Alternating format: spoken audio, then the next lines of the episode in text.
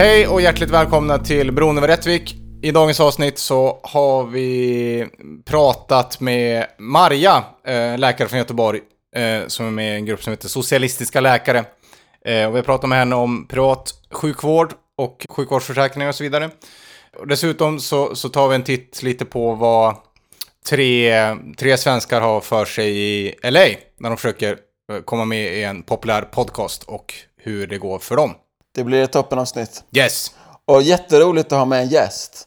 Sjukt kul. Eh, vi kommer ha med fler gäster eh, framöver. Jajamän. Vi har ett gäng, vi har ett jätte... Vi har redan nu ett, jätte, ett gäng jättespännande gäster inbokade.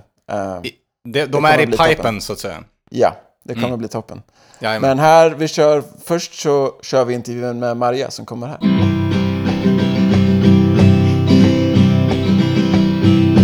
nu sitter vi här tillsammans med eh, eh Marja. Eh, vi ska göra en liten intervju. Hej Marja, hej Oskar. Hallå! Hej Erik! Eh, hur står det till? Bra, vi sitter här i mitt kök. Ja, väldigt ja. mysigt. Eh, jag sitter på en kökssoffa här, det var länge sedan. Det tycker jag är väldigt mysigt. Wow! Mm. Och praktiskt. Och, och praktiskt. ja. Eh, Anledningen till att vi ska prata med Maria förutom eh, köks, eh, Marias mysiga kökssoffa det är att du eh, var med och skrev en, ett, en, en debatt, ett debattinlägg kan man säga i Läkartidningen mm. för ett tag sedan. Som jag tyckte var väldigt intressant. Men innan vi börjar prata om det, kan, Maria, kan inte du bara introducera dig själv för, för lyssnarna så vi får veta vem, vem du är? Absolut.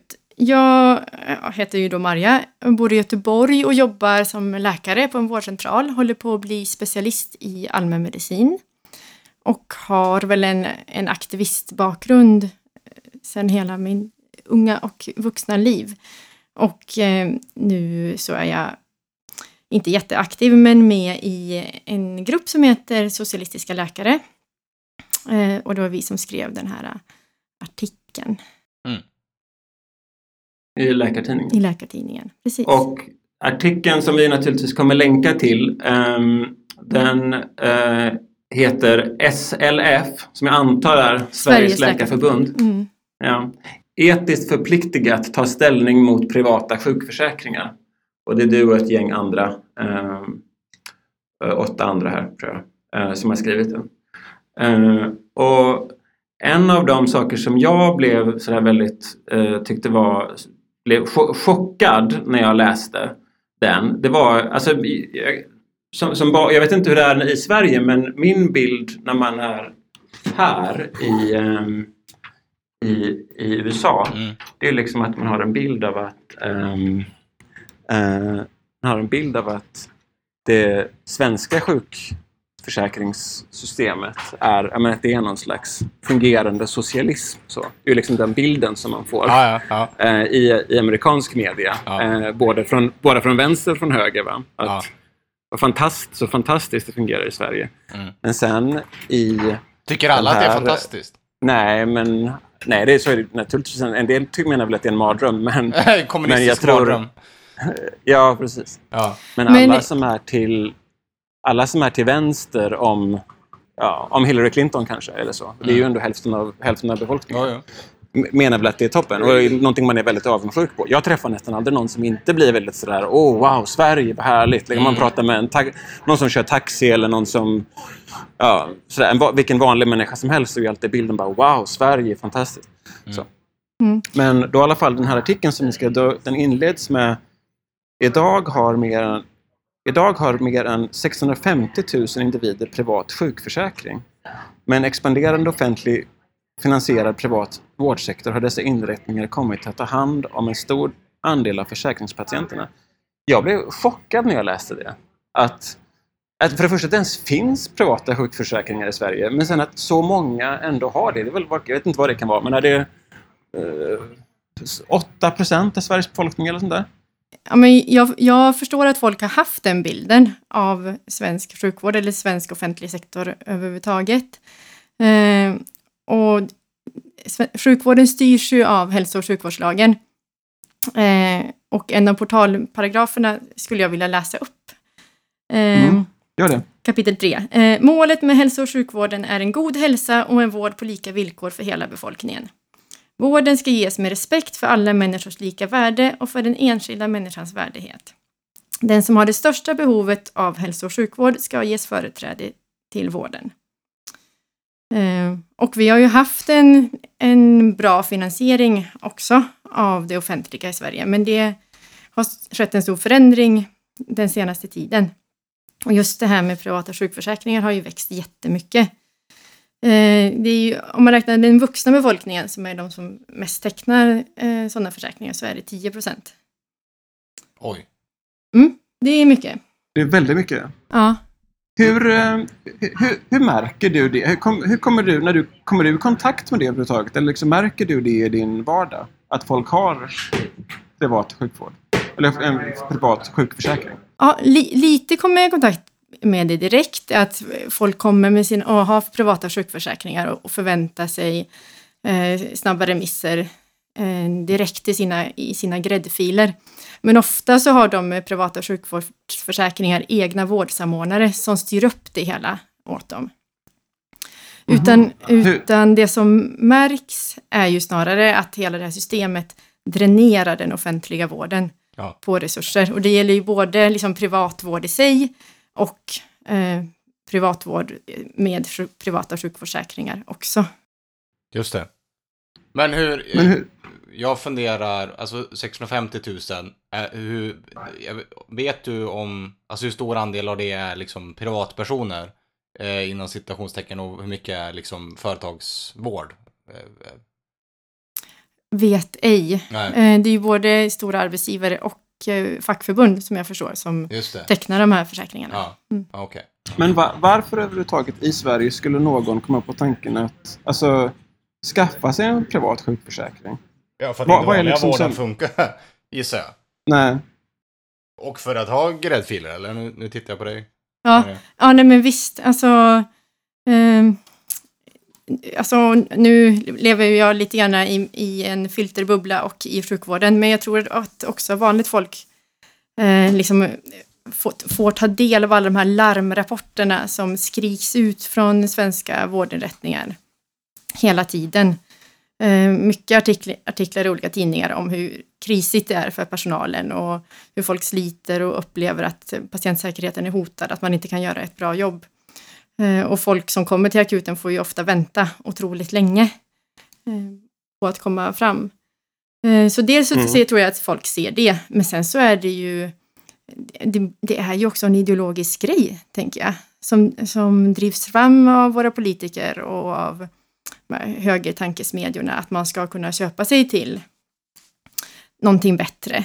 Det är ju inte bara inom sjukvården, som hela samhället håller ju på att splittras upp så också med Eh, förskola, skola, eh, hemtjänst, allt möjligt ska man kunna välja mm. ett privat alternativ som kanske är bättre. Mm. Sen skulle jag säga att, att ofta att det inte är det. Mm. Men här absolut så, så bildas ju faktiskt ett A och ett B-lag där de som kan betala för den här försäkringen har snabbare tillgång till vård. Mm. Kortare tid att träffa en specialist och så. Är det, är det liksom den, den praktiska liksom, eh, den positiva, om man, har, om man skaffar sig en sån här sjukförsäkring, privat sjukförsäkring, är det liksom det man tänker är den, den praktiska, den vinsten som är så att säga, att man, man får gå före eller man får... Vad är liksom incitamentet till att få det? Det är att man... Ja, mm, kan jag. Förklara, förklara mer vad, varför skulle någon skaffa sig en sån här privat sjukförsäkring? Ja, eh, men absolut att komma snabbare till vård eller komma snabbare till en operation eller vad det är man vill göra. Eh, men mm. sen så tror jag att också att arbetsgivare kan använda det för att Ja, men som en, en förmån för att de ska locka folk att, att stanna kvar eller vilja vara mm. anställd i det här företaget. Mm. mm. Så, men, men, men, är det att man går till en privat, eller är det att man går till en speciell läkare som är privat då? Eller är det att man går, man kan komma till dig som jobbar för ett landsting, gissar jag, Mm, ja, precis. Jag jobbar i det offentliga och nej, man, mm. man kommer inte snabbare till mig. Eh, för jag, vi jobbar enligt hälso och sjukvårdslagen, att den som är, har mest behov ska komma först till vård, eh, vilket ju är Just helt det. rimligt. Eh, mm. Utan försäkringspatienter går till privata vårdgivare och då finns det privata vårdgivare som bara tar försäkringspatienter och sen så finns det mm. privata vårdgivare som tar emot både försäkringspatienter och Eh, patienter mm. från det offentliga. Ah, okay. Och där är det regionen som köper den tjänsten av den privata vårdgivaren. Det. Eh, och vi, okay. var, vi var lite inne på det i den här artikeln också. Eh, för att man har sett ja. att de här vårdvalen som finns, att man ska ha en konkurrensutsatt vård och sen så kan regionen köpa vård av privata vårdgivare, det är väldigt, väldigt kostsamt. Det dränerar mm. eh, pengar från den offentliga sjukvården. Att, vi, att man ska köpa upp de här tjänsterna. För de privata vårdgivare, de väljer också alltid de, de lättaste och de friskaste patienterna. Och sen så får alla tunga och, och sjuka och gamla patienter ändå skötas i den offentliga vården. Mm. Eh, så, så, det är någonting som både är dyrt för det offentliga och eh, väldigt belastande eftersom det, det offentliga var kvar med, med alla de tunga patienterna.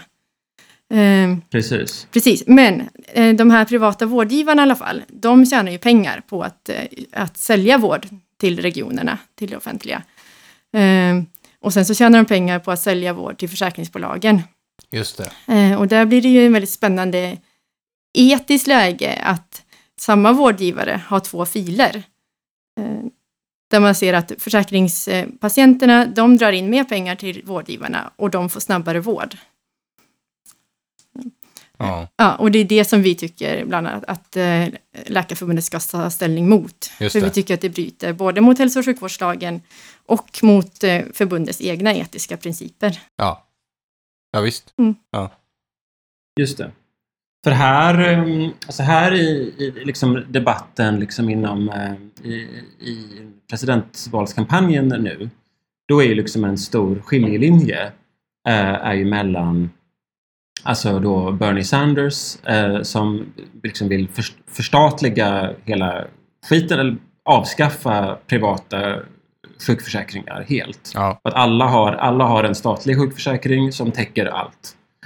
Eh, är ett förslag och det andra förslaget är då ungefär det här som du pratar om, eh, Maria, det vill säga att det ska finnas något slags ett, eh, ett public option. Mm. Det är det som alla andra demokrater pushar, det vill säga men det, finns, det finns en statlig sjukförsäkring som man kan välja men man kan också ha en privat. Men det som precis är problemet med det, som man inte är ärlig om, det är ju att då hamnar ju alla de som behöver vård mest, då hamnar de i sta, under i statlig, eh, med den statliga vården och sen så hamnar alla friska inom det privata alternativet. Mm. Så den vård som, och då underminerar det naturligtvis det här statliga alternativet då på, på sikt. Ja, och du och underminerar... det kännas... Ja, ja men ja, visst. Och, och, det blir ju samma här, att eh, de här resursstarka individerna som köper den egna privata sjukförsäkringen, de kommer dels börja tycka att det är meningslöst att betala skatt, eller ja, Ja. Eftersom de ändå inte tar del av de tjänsterna. Ja. Eh, och sen så kommer de ju inte heller kunna driva på för att man ska göra den offentliga vården bättre om de inte själva tar del av den. Nej, visst. Nej, det är klart. Ja, mm. Eh, ja precis. Men jag, alltså det... Ja, men precis. Och det som, det som blir liksom den, som är den politiska striden här, det är ju liksom att man menar att, det här, att sjukvård ska inte vara en, en vara, om det är en vara som man kan köpa på marknadsplats, mm. då, då, då leder det i slutändan till till, ett totalt, till att man totalt underminerar, eller det är, liksom, det är en väldigt effektiv kil för, eh, för högern och för kapitalisterna att, liksom spränga, att spränga in i, att spränga det, liksom, eh, en välfärdsstat. Ja, visst. Mm. Eh, och det är ju samma här. Alltså, vi har ju sett hur borgarna håller på och, och liksom anstränger sig för att eh, rasera sjukvården och hela sjukvården i Stockholm är ju ett enda stort haveri efter det här eh, nya Karolinska experimentet och mm. alla, alla deras eh, privatiseringar. Mm. Eh, ja. och, eh, och det är ju klart att det gynnar ju borgarna och svenskt näringsliv och så vidare om man kan dra ner på det offentliga helt så att allting kan bli vinstdrivande. Men vad har ni för bild av det i Sverige? Alltså för min, jag, när jag tittar utifrån liksom så får man bilden att folk tänker så här, ja ja, men det är, ju, det är ju lite krisigt i Sverige, men det är ju ändå inte lika illa som i USA. Det, är, liksom, det, det, det hör jag ofta från folk i Sverige. Ja, ja. Men, men det är ju liksom jag, jag, känner varje gång jag är hemma och pratar med mina föräldrar så, här, så vill jag liksom börja ruska om dem. Så där, liksom. ni, tror, ni tror att det här är av Gud givet på något sätt, att Sverige är ett fint välfärdssamhälle och att liksom marknadskrafterna kommer aldrig... Ni tror det, men Ge det 15 år. Ja, och så, så sitt, liksom, ge det 10 år. Ja. Det går så fruktansvärt fort. Ja, och det är så fruktansvärt grymma krafter som man dealar med med det här. Mm. Mm. Ja, det är, ja jag, jag blev bestört, Maria, när jag läste er artikel. Mm. Ja, nej, men jag håller med att det går, går väldigt fort. Um. Och till viss del är liksom i, att det dels sker i skymundan och dels sker med folks goda samvete på något vis. Att det är bara, ja men, det är business as usual liksom. Men, och det är ju också intressant eh, det här att folk, men att man vill ha en privat sjukförsäkring. Visst, jag fattar att folk vill ha vård snabbt eh, och det önskar jag att man kunde få inom det offentliga. Ja. Men bara den här tanken att man vill att en, någon försäkringshandläggare ska bestämma sen vad man ska få för vård eller inte. Jag kan, eh, förlåt, nu avbröt jag dig. får jag bara säga färdigt ja, det här resonemanget? Ja. Eh, nej men dels att man så här, lämnar ut sig till privata vårdgivare vars intresse då är att sälja så mycket sjukvård som möjligt. Det vet vi ju inte alltid om det är det bästa. Men, och, men på andra sidan sitter ett försäkringsbolag som väl självklart vill hålla nere sina kostnader. Mm. och att då att den här försäkringstjänstemannen ska säga om du ska få fortsätta utreda eh, någonting som kan vara en misstänkt cancer eller inte. Eh, ja. Och sen så att det är också ett system som bygger på att eh, den som är ung och frisk kan få en försäkring. Mm. Men att den som är gammal och sjuk eller har haft en cancer eller ha en ärftlighet för någon sjukdom, mm. antingen blir nekad en försäkring eller får betala en mycket högre premie. Exakt. Att folk ens vill ha de här parametrarna ja. med i spelet när det handlar om liv och hälsa, det tycker jag är helt eh, ofattbart. Ja, det är helt sinnessjukt. Uh... Alltså, jag, Alltså bara utifrån, här, bara här, att vara liksom så här, leva i någon slags övre medelklassvärld här. Alltså jag känner ändå ingen, inte en enda amerikan tror jag, som inte har liksom en så skräckhistoria om sin egen familj där någon blir liksom utkickad från, blir av med sin privata sjukförsäkring eller att försäkringsbolaget helt enkelt bara vägrar att betala mm. Eh, så att man blir liksom helt ruinerad eller folk dör eller blir tvungna att liksom bli, bli av med man blir av med ett ben eller man blir av... Alltså liksom fruktansvärda fruktansvärda skräckberättelser ja. som nästan varenda familj här har. Ja, det, det, är liksom vansinne att man i Sverige liksom går på den här liksom propagandan och liksom bara så, liksom, gå, gå, med på det här. Att man låter det ske. Det är helt sjukt att folk inte liksom är ute på gatan och skriker och slåss. Det är vansinne. Ja. Det här är så fa fruktansvärt farligt. Ja, alltså ja, jag får väl anta att liksom gemene man eller folk som tycker att ja, men, Folkpartiet, de, har, de vill ändå ha, eh, vill väl ändå ta tag i skolan eller whatever, liksom, tänker väl inte att det här blir konsekvensen. Antar jag. Nej. Eh, eh, jag vet inte, om man inte ser liksom, får höra de här historierna varje dag som, som, som jag tänker att du får. Liksom. Ja. ja.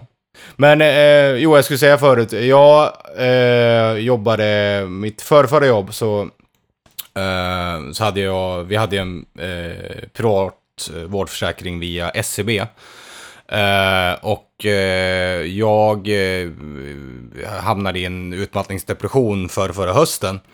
och då fick jag vända mig till företagshälsovården först, eller tänkte att det är det man gör. För att, eller jag, hört, jag hörde från min fru att det, om man går till vanliga vården så kommer de säga, har, har du företagshälsovård först? Eh, så då gjorde jag det, fick träffa en läkare, hon var bra, eh, tänkte jag. Jag eh, berättade om mina problem, att jag kände mig stressad och fokuserad och hade svårt att sova och så vidare. Och så frågade hon också så här, ja men har du haft sådana här liknande problem innan? Ja, så beskrev jag det att jag liksom har haft en oro och sådär och varit deprimerad tidigare. Men det handlade ju, det var liksom tonårskärleksbekymmer, beskrev jag det som. Men då skrev hon ändå i journalen att så här, att han, eh, jag kommer inte ihåg ordet hon använde, men att eh, typ eh, diagnosen var eh, utmattning, eh, något nummer. Eh, och sen så eh, förtydligande då var ett ord hon använde. Och sen så beskrev hon även i min historia då att jag hade, hade haft det innan också. Och sen så ville hon sjukskriva mig på 50% och jag tänkte så här, ah men shit det har inte jag råd med. Eh, det har jag aldrig varit förut och det var massa sådär, eh, fick, fick liksom panik, nej det, det gör, gör inte det liksom. Eh, och sen så insåg jag efter ett tag att ja men det, det håller ju inte, jag måste ju bli sjukskriven. Och då hade, då, eftersom hon hade skrivit så här i journalen, så när jag ringde och försökte boka en ny tid, så, så sa hon, nej men SCB e har nekat det. Och så fick jag hem några papper och de bara, ja ah, men eftersom du har sökt och fått vård för det här tidigare och inte angett det i din hälsodeklaration så kan vi inte ge ska vi inte ge dig vård för det här ärendet tills du har inkommit med nya uppgifter. Och då ville de liksom ha så här 15 år gamla uppgifter från när jag var på något ställe på hissingen som inte ens minns vad det var liksom. Eh, och jag höll ju på och ringde dem fram och tillbaka och, ja, och försöka göra det här samtidigt som man är utmattad. Det var, nej, det var ju inte lätt liksom. Eh, så tur hade jag ju inte cancer liksom.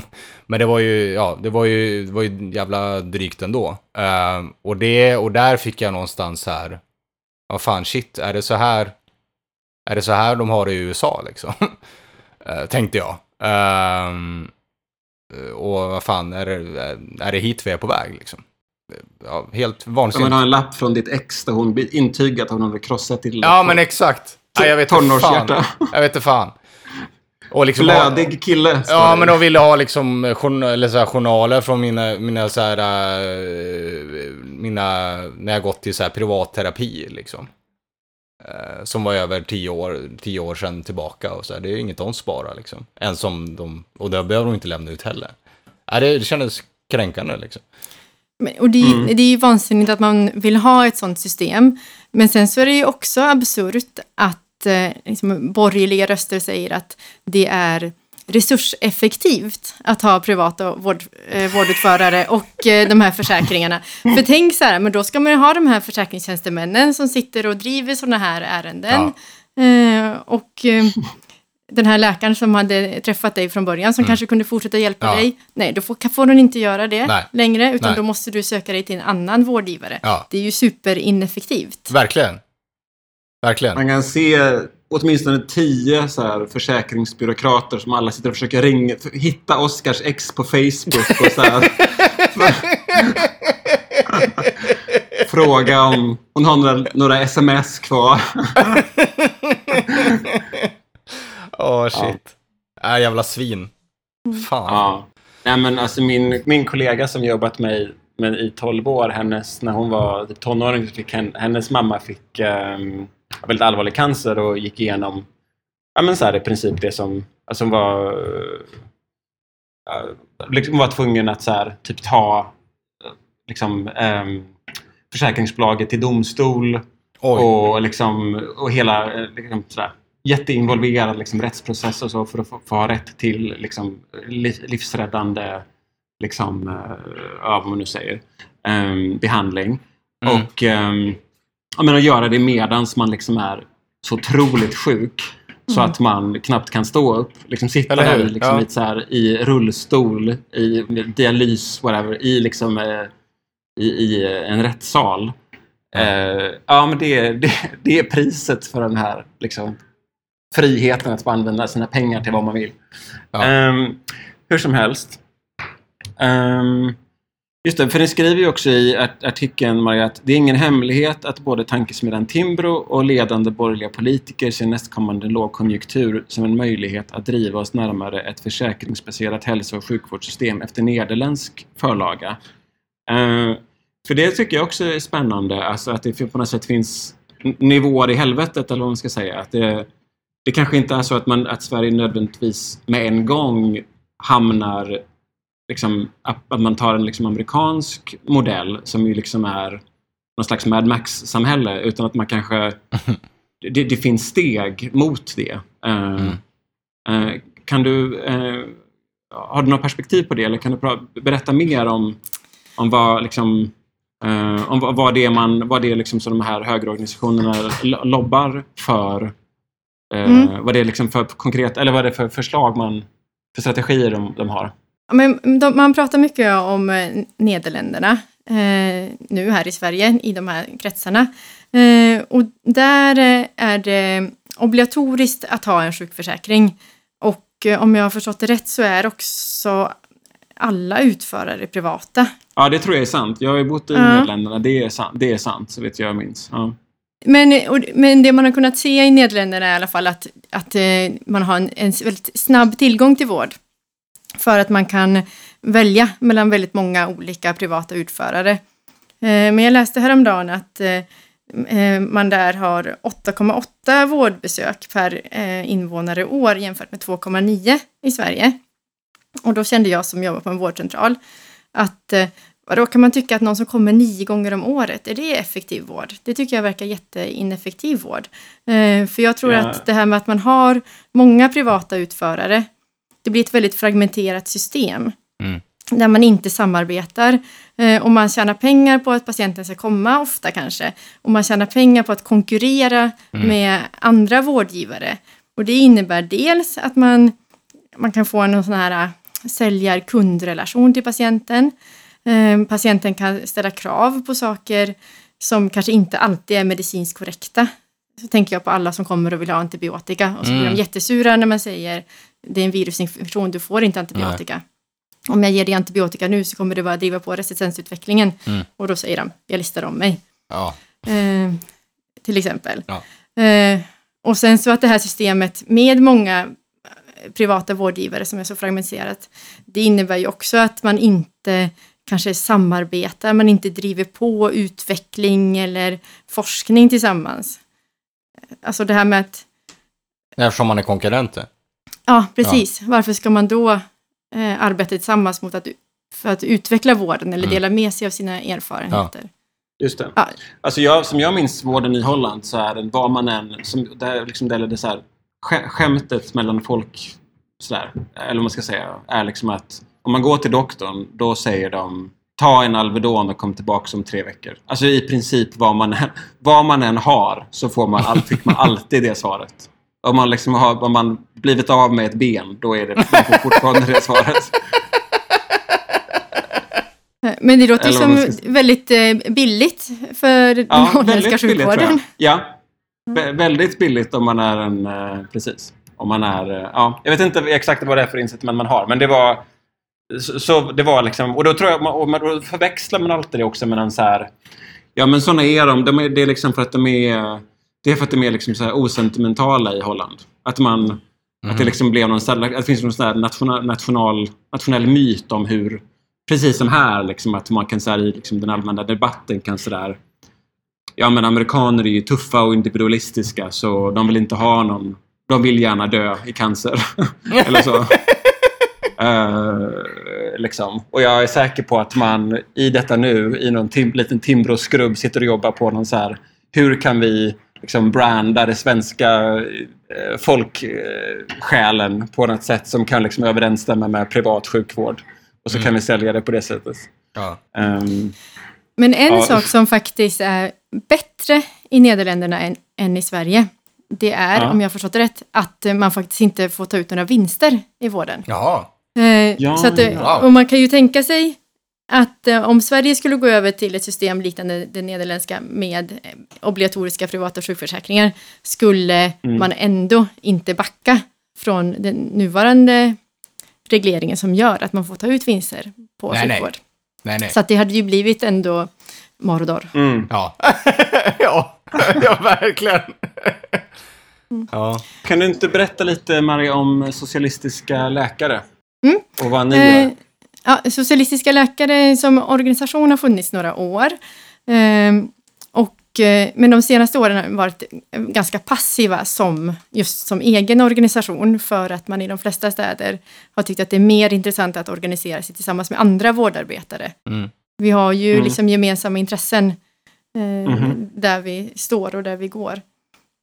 Eh, så att lokalt så drivs det mesta ehm, som aktiviteterna i sådana eh, yrkesöverskridande grupper. Ehm, så att socialistiska lät, läkare är mest ett nätverk som då eh, sitter och skriver sådana här eh, artiklar i en chattgrupp och ordnar ett jättespännande läger varje år mm. för alla vårdarbetare som är jättekul. Mm. Okay. Mm. Vad kan man, om man lyssnar på det här och man, är, man blir lika förskräckt eller läser artikeln, och blir lika förskräckt som, som jag blev. Vad kan man göra? Finns det något man kan göra då? Finns det något ställe man kan aktivera sig eller någon, något man kan göra? Mm. Men jag tänker att, det, att eh, det finns flera viktiga saker att göra. Eh, ja. Jag tycker ju att ett av de stora problemen med svensk sjukvård är att den är underfinansierad. Och det gäller ju inte ja. bara sjukvården, det gäller ju skola och omsorg och sådana saker mm. också. Mm. Eh, så jag tycker ju att vi alla ska arbeta för att man ska höja skatterna. Ja. Eh, om man vill sikta in sig på sjukvården då kan man ju vilja betala lite extra mycket i landstingsskatt. Mm. Eh, vilket om man tittar liksom över ekonomin generellt så har varor har blivit billigare i Sverige de senaste åren. Så då ty finns, tycker jag att man borde ha utrymme att betala mer i skatt för välfärden. Um, om inte annat kan man ju höja skatten för de rikaste. Ja, till exempel ja. återinföra värnskatten. Exakt. Det känns som ja. ett rimligt alternativ. Um, och sen, så om man jobbar på ett företag där det börjar pratas om privata sjukvårdsförsäkringar, då ska man ju eller om man är med i ett fackförbund där man tar upp det, då ska man ju verkligen eh, hugga på det. Alltså jag tycker verkligen att man ska shamea alla har du en privat sjukförsäkring, det betyder att du bidrar till att slå sönder den offentliga vården. Eh, Just. Just det, Oskar. Ja. ja. ja, nu skäms jag. Ja, nej. Men, men, nej, men vi ska ju säga till våra fackförbund eh, och våra arbetsgivare att vi inte vill ha det för att vi vill värna den offentliga vården. Just det. Tänker jag. Bra. Eh, och eh, det kan ju, det kan ju liksom låta, det här kan ju kännas väldigt deppigt. Um, och man ja, kan säga mer om privatvård, att det inte bara liksom dränerar eh, det offentliga på pengar för att det är dyrt att vi ska sälja vård till privata vårdgivare. Det tar också massa personal från den offentliga vården. Mm. Mm. Det offentliga utbildar alla läkare och alla sjuksköterskor eh, och specialistutbildar dem och det är jättedyrt och tar jättelång tid. Och sen så mm. försvinner de över till privatvård mm. och det betyder att de personerna inte finns på de offentliga mm. sjukhusen för att kunna ta hand om folk. Vilket leder till att eh, de som arbetar där inte längre orkar. Eh, det saknas jättemånga sjuksköterskor för att sjuksköterskor inte orkar arbeta heltid eller Nej. orkar arbeta överhuvudtaget som mm. sjuksköterskor. Mm. Eh, vilket leder till att vi har jättelåga vårdplatser. Ja. Eh, eller jättefå vårdplatser. Mm. Så. Eh, ja, och det känns väldigt deppigt eh, och att så mycket pengar försvinner i administration Eh, för att vi har det här New Public Management-systemet eh, som går ut på att vi ska hålla på och ehm, registrera och kvalitetssäkra hur mycket som helst. Så att eh, snart har vi fler administratörer än vad vi har sjuksköterskor. Ja, och alla jävla försäkringshandläggare, tänker ja, jag. Ja, ja, precis. Och det känns ju väldigt, väldigt deppigt. Men då kan man titta på Skottland. Aha. Som hade ett... Skottland hade Eh, som ett gemensamt välfärdssystem från början. Eller, och sen så eh, kom Thatcher mm. Eh, och då så marknadsanpassade man hela sjukvårdssystemet. Och sen så såg man att det fungerade dåligt. Mm. Så då bestämde man sig för att återoffentliggöra, mm -hmm. eller offentliga, det här ja, just det. sjukvårdssystemet. Just det. Wow. Ja, och då eh, gjorde man det också, eh, försökte man göra det på sättet man involverade Eh, de som jobbar i sjukvården. Så mm. det var ett samarbete mellan eh, liksom, politiker och tjänstemän som, mm. styr, som styr sjukvården och fackförbunden som mm. representerar eh, sjukvårdsarbetarna. Där man har försökt arbeta fram ett system eh, okay. som verkar bli, vara både mer kostnadseffektivt och mer jämlikt eh, för patienterna. Jättebra ju. Ja. ja. ja. så lite hopp, men eh, fan Sverige är ju sjukt. Eh, helt enkelt. Men eh, ja, alla får lobba för att höja skatterna, eh, förbjuda vinster i ja. vården, liksom ja. i övrig välfärd, självklart. Ja, verkligen. och eh, shamea privata sjukförsäkringar. Ja, ja bra. bra. Tre tydliga punkter. upp, uppfriskande att höra någon säga höj skatterna, ska Ja. Ja, det hör man för sällan. Ja, blev lite, blev lite pigg här. Här. Ah, ah, vad kul det här är bra. Något annat som piggar upp, eh, om vi inte pratar mer om artikeln, eller det kan vi göra sen också, men eh, det är ju alla de här fantastiska kommentarerna till artikeln. Ja, härligt. Känner, du någon av de här, Maria, eller? Nej, nej, jag gör inte det. Men en del har ju tagit sig tid att skriva riktigt långa eh, kommentarer på den här artikeln. Det är ju många, känns som det är många överläkare och liksom manliga eh, experter på något vis. Jag vet det var inte. bara gubbar, eller? Uh, Poja är oklart vad det är. Carl Tevell är en stjärna. Ja, ah, satan. Äl älskar Carl Tevell.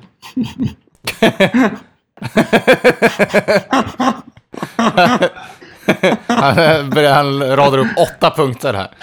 Men det är härligt när någon som skriver är ni dumma i huvudet och ändå är så artig att han skriver ni med stort L? Ja, just det. Ja, är ni. Han niar. Det är ändå viktigt. Jag tänker att, men det får man ändå tänka att Carl Tevell är ganska ung. För han har liksom missat eh, du-reformen. Eller han är, säger man inte det alltid så här, Det är bara 20-åringar som säger ni i butik och så. Han är i själva verket 90-talist. ja, precis, precis. Han är en sån liten sparvel. Men det, det känns som det är mycket, många av kommentarerna där, de liksom eh, försöker eh, peka på att ni är ST-läkare och därför skulle ha liksom, att ni är osnutna på något vis. Ja, precis. Alltså, det, ST-läkare, då har man ju redan, då är man ju, då är man ju redan läkare till att börja med liksom. Ja, ja, ja, ja, absolut. De har ju gått, vad det, för sex år? Sex år och eh, AT som ja. är på nästan två år. Ja, exakt. Ja. ja. Eh. Ni borde ju ha koll kan vi tycka. Ja, men precis. Jag vet inte, vi kanske... Jag tänker också att vi kan vara lite nytänkande och också ha varit runt mycket på olika kliniker de senaste åren. Eh, så vi har mycket erfarenhet från många olika ställen. Ja. Mm. Men det folk, det, det, som är så, eller det, det, det, det första Karl säger här, mm. det är ju så här, det ni säger ett, och det här är väl hans värsta punkt då, att folk ska inte få använda sina pengar på det sätt de själva vill i vårt land. Två utropstecken. Alltså, nej. nej, det nej. räcker väl så. Nej, det ska man inte. Nej. Det finns en massa saker man inte får använda sina pengar till. Det är fullt rimligt. Ja, ja. Men det är också så här, men man ser ändå på den kommentaren tycker jag så här, hur, hur ändå så långt så här högervridningen och samhället har gått så att, att det är liksom så här, det värsta det är det värsta man kan tänka sig. Ja. Det är liksom, inget är lika galet som att säga att det finns saker man inte bör få köpa i, i Sverige. Nej, men alltså, precis, att man tycker att det är så självklart att här, den som har pengar ska väl kunna få köpa sig före i en vårdkö. Vad är det för konstigt ja, med det? Mm. Ehm, men det, man blir ju nästan skrämd över att ha sådana kollegor. Ja, det är, fruktans, det är fruktansvärt att gå, tänk att hamna hos Carl Tivell. Vilken jävla mardröm. Men, ehm. men det är också det här som gör att eh, eh, jag tycker att det är problematiskt med Läkarförbundet. Alltså så här, det är ingen fackförening som jag är stolt över. Det är inte som att jag känner så här, åh... Eh, mina kamrater. Ja, precis. Mina kamrater som jag ändå kunde känna under de åren jag varit med i SAC. Ja, ja. Att så här, okej, okay, men vi har samma intressen. Läkarförbundet, det, det är ju inte en som arbetarorganisation.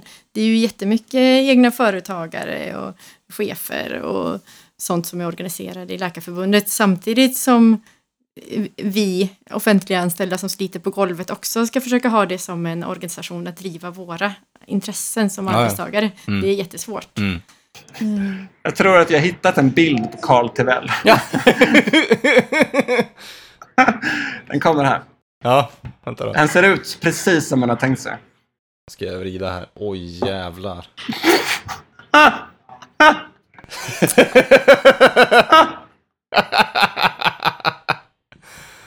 oj, oj, oj. Ja. ja. Han ser ganska ung ut ändå. Ja, det är det jag menar. Ja. Han var inte påverkad av du-reformen. Nej. Nej. Nej. Men, alltså, men den, här, den här teorin fattar inte jag riktigt.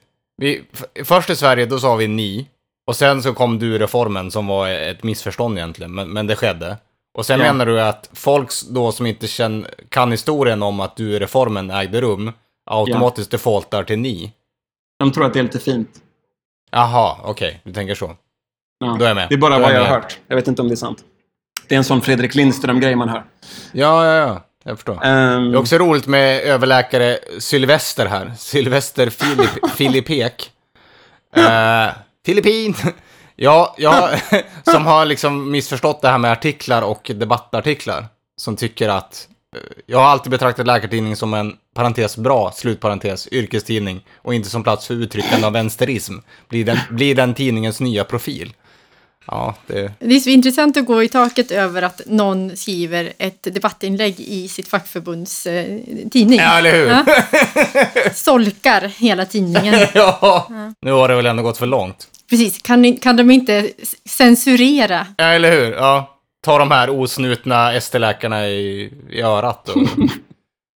ja, herregud. Uttryckande av vänsterism. Det kan bli vår eh, ja. nya tagline. Ja, lätt. Det är vår nya profil. ja. ja. ja Okej. Okay. Um, ehm, jag måste runda av här, hörni. Just. Mm. Uh, men du, Maria, det var jätte... Vi får säga tack så jättemycket för att du tog dig tid. Verkligen. Um... Ja, det var kul. Mm. Kul att vara med. Ja. Bra. Ja, ja vi, vill jättegärna, vi, vill, vi vill jättegärna ha med dig igen uh, och fortsätta prata om det här. Det känns som att det här, eller det här är ett ämne som man kan, eh, kan diskutera i timtal. Mm. Um, vi kanske kan och, bjuda in eh, Karl och... Ska vi ha debatt? Du har ju, kick, du har ju kickboxats med det. Ni kanske kan, ställa, ni kan, vi kanske kan ordna en, eh, en, en bout. En sparringrond. Oh, lätt. ja. lätt. Ja, nej men gud, ja. alltså det, det, man skulle kunna prata så mycket om det. Dels, jag tänker sjukvård. Vem som helst kan bli sjuk. Alla kan hamna där. Ja. Och eh, samhällssystem överlag. Vi sitter i den här skiten. Vad ska vi göra för att ändra på det? Mm. Ehm, ja. Så. Men vad kul också att få vara gäst i er podd. Mm. Får se om, det, om ni kommer bjuda, fortsätta bjuda in gäster. Ja, det är väl tanken. Det kommer det, det vi definitivt göra. Mm. Du var um, först. Yes. Mm. Du var först. Fint. Mm. Fint folk först. Precis.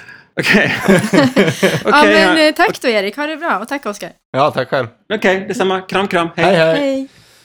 Right.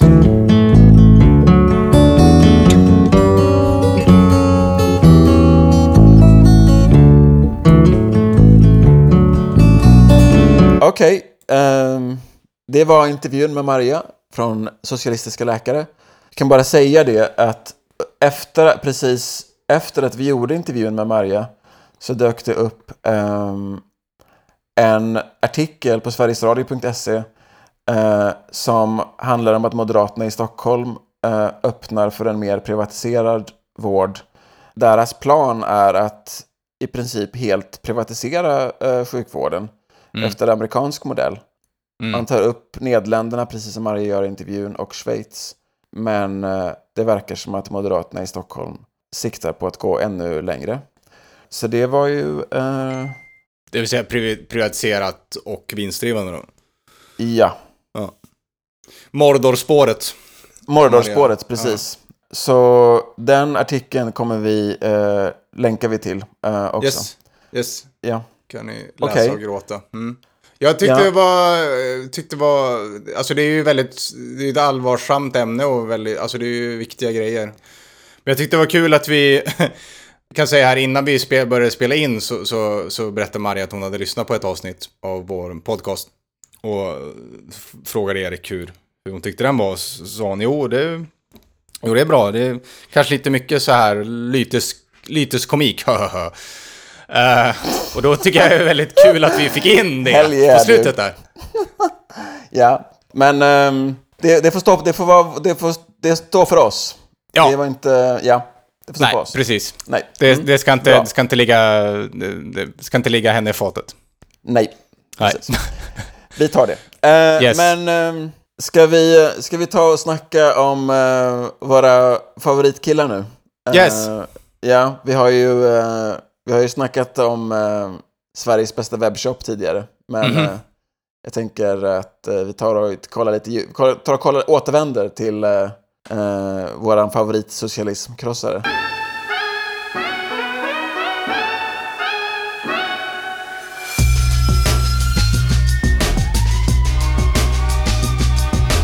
Vi har ju pratat eh, tidigare om eh, Aron Flams merch. Aron och eh, hans två kompisar, Navid Modiri och han den tredje som ingen vet vem det är riktigt. Han tredje killen, den blonda killen. Ja. Den var ju i Los Angeles, här i mitt, eh, mitt hemland. Eh, ja. För att eh, försöka vara med i Joe Rogans podcast. Det är ju världens, jag tror att det är världens största podcast. Det är det? Det tror jag. Ja. Eller det som har flest lyssnare. Den är ju liksom gigantiskt stor. Lyssnar, ja. ni, på, lyssnar ni på Joe Rogan Experience eller? Uh, utvalda avsnitt har jag hört. Jag har mm. inte hört uh, någonting, så berätta vad det är. Joe Rogan är ju um, kampsportskommentator. Han, är ju, han var ju, han var ju standup-komiker först. Men nu han är ju så här eh, MMA-kille. Och har ju liksom, gör, men uh, gjort mycket så här, kom, liksom, vad säger man, tv-kommentator, alltså sportkommentator för typ MMA och så. Han är ju stor eh, sån eh, kampsportskille. Eh, men har också en, eh, en podcast där han gör såna, liksom en sån intervju-podcast. Som, eh, där han väl liksom har pratat med en del så här, ja, men så kontroversiella personer. Både på höger och vänsterkanten. Sådär. Och jag tror att det är väl mycket det som liksom de här eh, liksom svenska mupparna som håller på och försöker mhm. vara, ja men så här, hela Navid Modiris projekt är väl att försöka vara någon slags så här, svensk Joe Rogan liksom. Att så här, Mm.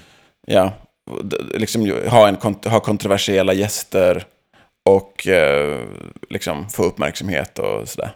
Fast grejen är så, alltså Joe Rogan är ju en, liksom en fantastisk, han är ju en väldigt duktig liksom, intervju, han är, gör fantastiska intervjuer liksom. De, ja, är, ju, de, är, ju väldigt, de är ju väldigt bra liksom. Ja, han är ju väldigt, han är väldigt, väldigt duktig på det han gör. Ja. Um, men hur, alltså, men hur som helst, så, av någon, liksom så här, jag vet inte om det är någon slags hybris eller whatever, så av någon anledning så tänkte jag liksom så då Navid att han skulle kunna åka till Los Angeles och typ vara med i Joe Rogans podcast. Mm. Det är ju liksom mm. fruktansvärt naivt att tro, eller så här, vem fan är du? Liksom. Ah, ja. Du är så här en svensk jävla loser, liksom. eller så här, vem fan är du? Um, så de åkte dit, de var där och så hyrde de ett hus men vänta, ville, ville de andra två vara med i, i podcasten också? Jag vet inte riktigt. Det var väl inte de riktigt... Det var väl inte riktigt klart, men de har ju så försökt så här... Massa så här svenska höger... höger massa ungmoderater har ju försökt så här göra memes och så. För att så, så här, försöka vara med, försöka få, liksom, få in Navid i Joe Rogans podcast. Så Oj. de har så här tweetat till Joe Rogan. Med så här, Oh, det är sån cringe. Uh, jättekonstiga felstavade liksom, memes som Navid har så här, retweetat. Ja, oh, herregud. Ja, fruktansvärt pinsamt. Eh, som, som annan svensk i USA så bara, åh, man, man skäms för, för sina lands... Anyway. Mm. Men, eh, så de var ju här eh, och bodde i ett hus. Det finns fantastiska videos när de går runt i huset och bara hänger och är härliga. Eh, och gör otrolig cringy humor. Jag tror att det är mer att det typ var kul, men det är bara fruktansvärt pinsamt. Eh, men hur som helst, när, under tiden de var, de var här då, eh, jag vet inte riktigt vad Aron Flams politiska frågor är, förutom socialism är hemskt och att, all, och att Israel är fantastiskt. Mm. Eh, men under tiden de var här så de misslyckades ju vara med i Joe Rogans podcast naturligtvis. Men, det, men, ja, oj, oj, oj. Men, det som hände och and, men det som hände var ju att Joe Rogan kom ut och supportade Bernie Sanders. Just det. Uh, ja, som ju är liksom inte är Israelvän. Uh, ja, där gick de i en fälla. Uh, där krossades inte socialismen. Nej, det gjorde nej. den inte. Nej. Uh, det har varit fantastiskt att se i eh, Navids kanaler. Eh, hur han har försökt så här, ja men skoja, skoja till det här. Men... Eh, han har kommenterat alltså? Ja, eller lite grann. De har väl liksom kommenterat runt liksom. Men mm. alltså inledningsvis så inledningsvis så var jag liksom alla så här, alla posts och så var ju väldigt så här, nu kör vi. Alltså han gjorde en, han klippte upp en jättehemsk video, eller någon annan gjorde det som, han, som Navid retweetade, som är så här, men så att, att det är en fejkad intervju med Joe Rogan och Navid Modiri. Nej. Eh, nej. Ja, det är fruktansvärt oh. hemskt. Ja, det är fruktansvärt hemskt. Oh. oh. Jag skickar den här. Oh. ja, det här, är, det här är så hemskt. Eh, man får ja, panik. Alltså jag förstår inte hur man kan eh, göra så här. ska vi trä Jag räkna tre? Ett, en, två, två tre. tre. Hello freak bitches. Now speaking of smoking good stuff, how did you get how did you find out about DMT and how did you get involved? Because so, so, first of all, um, I'm sorry for my limited ability to understand Danish. the whole thing with that is that these ancient, oh. ancient, ancient languages, oh. like all these stories came det är så from these ancient languages. Like if you go way, det är så way, fruktansvärt way inte roligt. so, but also, alltså om man är Joe Rogan och ser det här, vad fan tror man då? To uh. Herregud. Whether you like it or not, That's racism. Oh, no, I can't. I cannot be sure. Yeah, like, if um, this was like on a spaceship, you would think would be like that. Look at that. If that was on a spaceship, etched into the side of the spaceship, you'd be like, holy shit, it's fucking mean? alien language. Look, I mean, I don't know what any of those things are. I don't know what one of those numbers is. I don't know what the fuck those words are, those letters. That's an alien language. That's, to me, almost more alien than a lot of Asian languages. Det känns helt irrelevant att försöka föra ett samtal med dig på den nivån. För det första så känns det inte som ett samtal. Och för det andra så... Look, I'm, I'm not attached oh. to what I do in the sense that I'm unwilling to look at what I do wrong.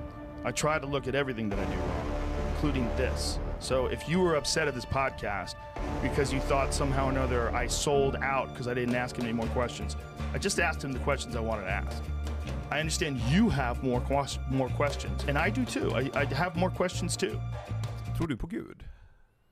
All right, oh. that's it. Goodbye, everybody. Oh, thanks to everybody who came out this weekend. We had a great time. Bye. Fruktansvärt. Åh, oh, uh, vad jobbigt. Ja. Uh, nu har du mens hur... här då. Jaha, då är det den här järn, järnmimen. Men de måste ha varit fel till Joe Rogans namn i den. den Browsing Twitter and get depressed. Listening to how can we or Joe Rogan. N Listening to both how can we and your... Your Rogan! Your Rogan, ja. Yeah. Listening to Joe Rogan being the guest Being the guest.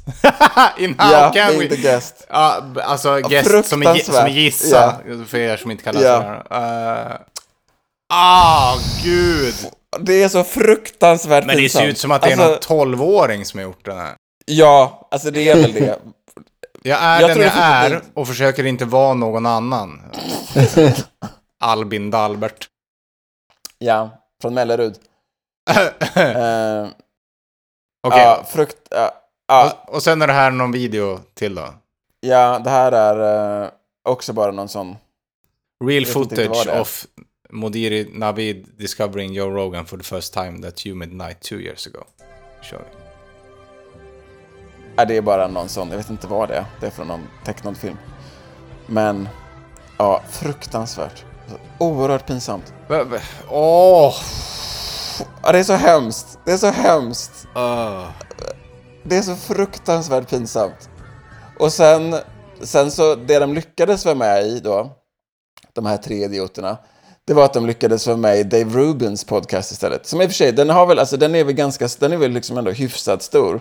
Men alltså så här, den är ju liksom... Eh, eh, alltså Dave Rubin var ju så här vänsterkommentator på The Young Turks först. Här. Mm. Eh, men typ hade så någon fallout med dem. Eh, för att han inte fick, eh, han typ ville ha mera betalt än vad han fick.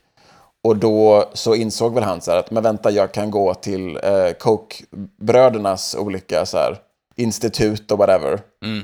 Och så kan jag få eh, ordentligt med pröjs. Men då betyder det att jag behöver liksom bli libertarian då, över en natt. Så han gjorde det. Men problemet med, problemet med Dave Rubin är liksom att han är så fruktansvärt korkad. Alltså, mm. eh, fruktansvärt korkad. Och det finns här, det finns liksom en stor kampanj här som har varit så här.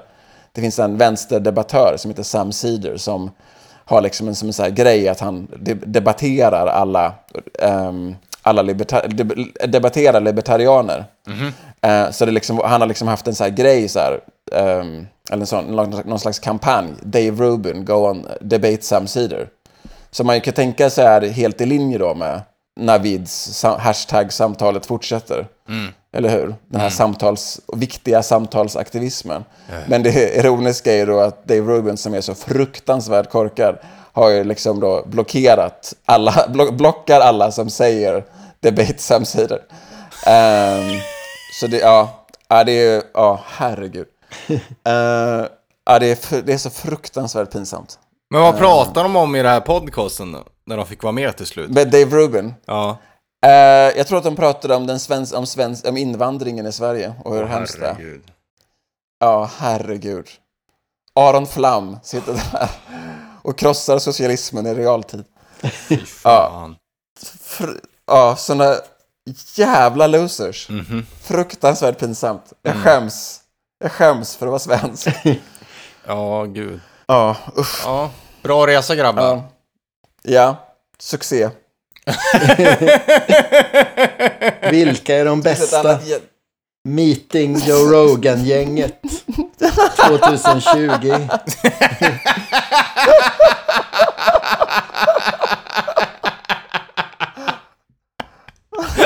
ja.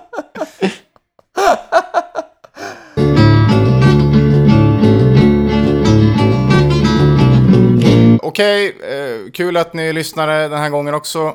Som sagt, vi har en del gäster på ingång. Eh, det blir jävla skoj att få ha med dem. Och förhoppningsvis skoj för er att lyssna på också. Eh, vi hörs igen om två veckor, hoppas jag. Om allt går som det ska. och det gör tills vi. dess så säger vi stoppa in den för Kenring. Stoppa in den för Kenring. Hej då! Hej!